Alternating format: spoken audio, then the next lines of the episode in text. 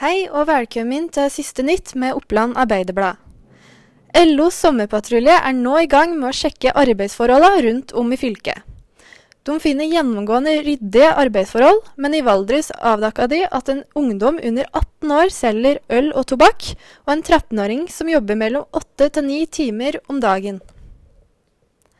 Kun én måned etter oppstart fikk Dokka Thaimat og Catering strekmunn av Mattilsynet i juni. Der fant Mattilsynet mangel på internkontroll og ingen sikring mot fluer. Førsteinntaket for videregående skoler i Oppland for skoleåret 2019-2020 er klart. Det er 6450 søkere som har fått tilbud om skoleplass, mens 158 søkere står fortsatt uten tilbud. De som ikke har fått noe tilbud enda, må vente til andreinntaket, som er den 9. august.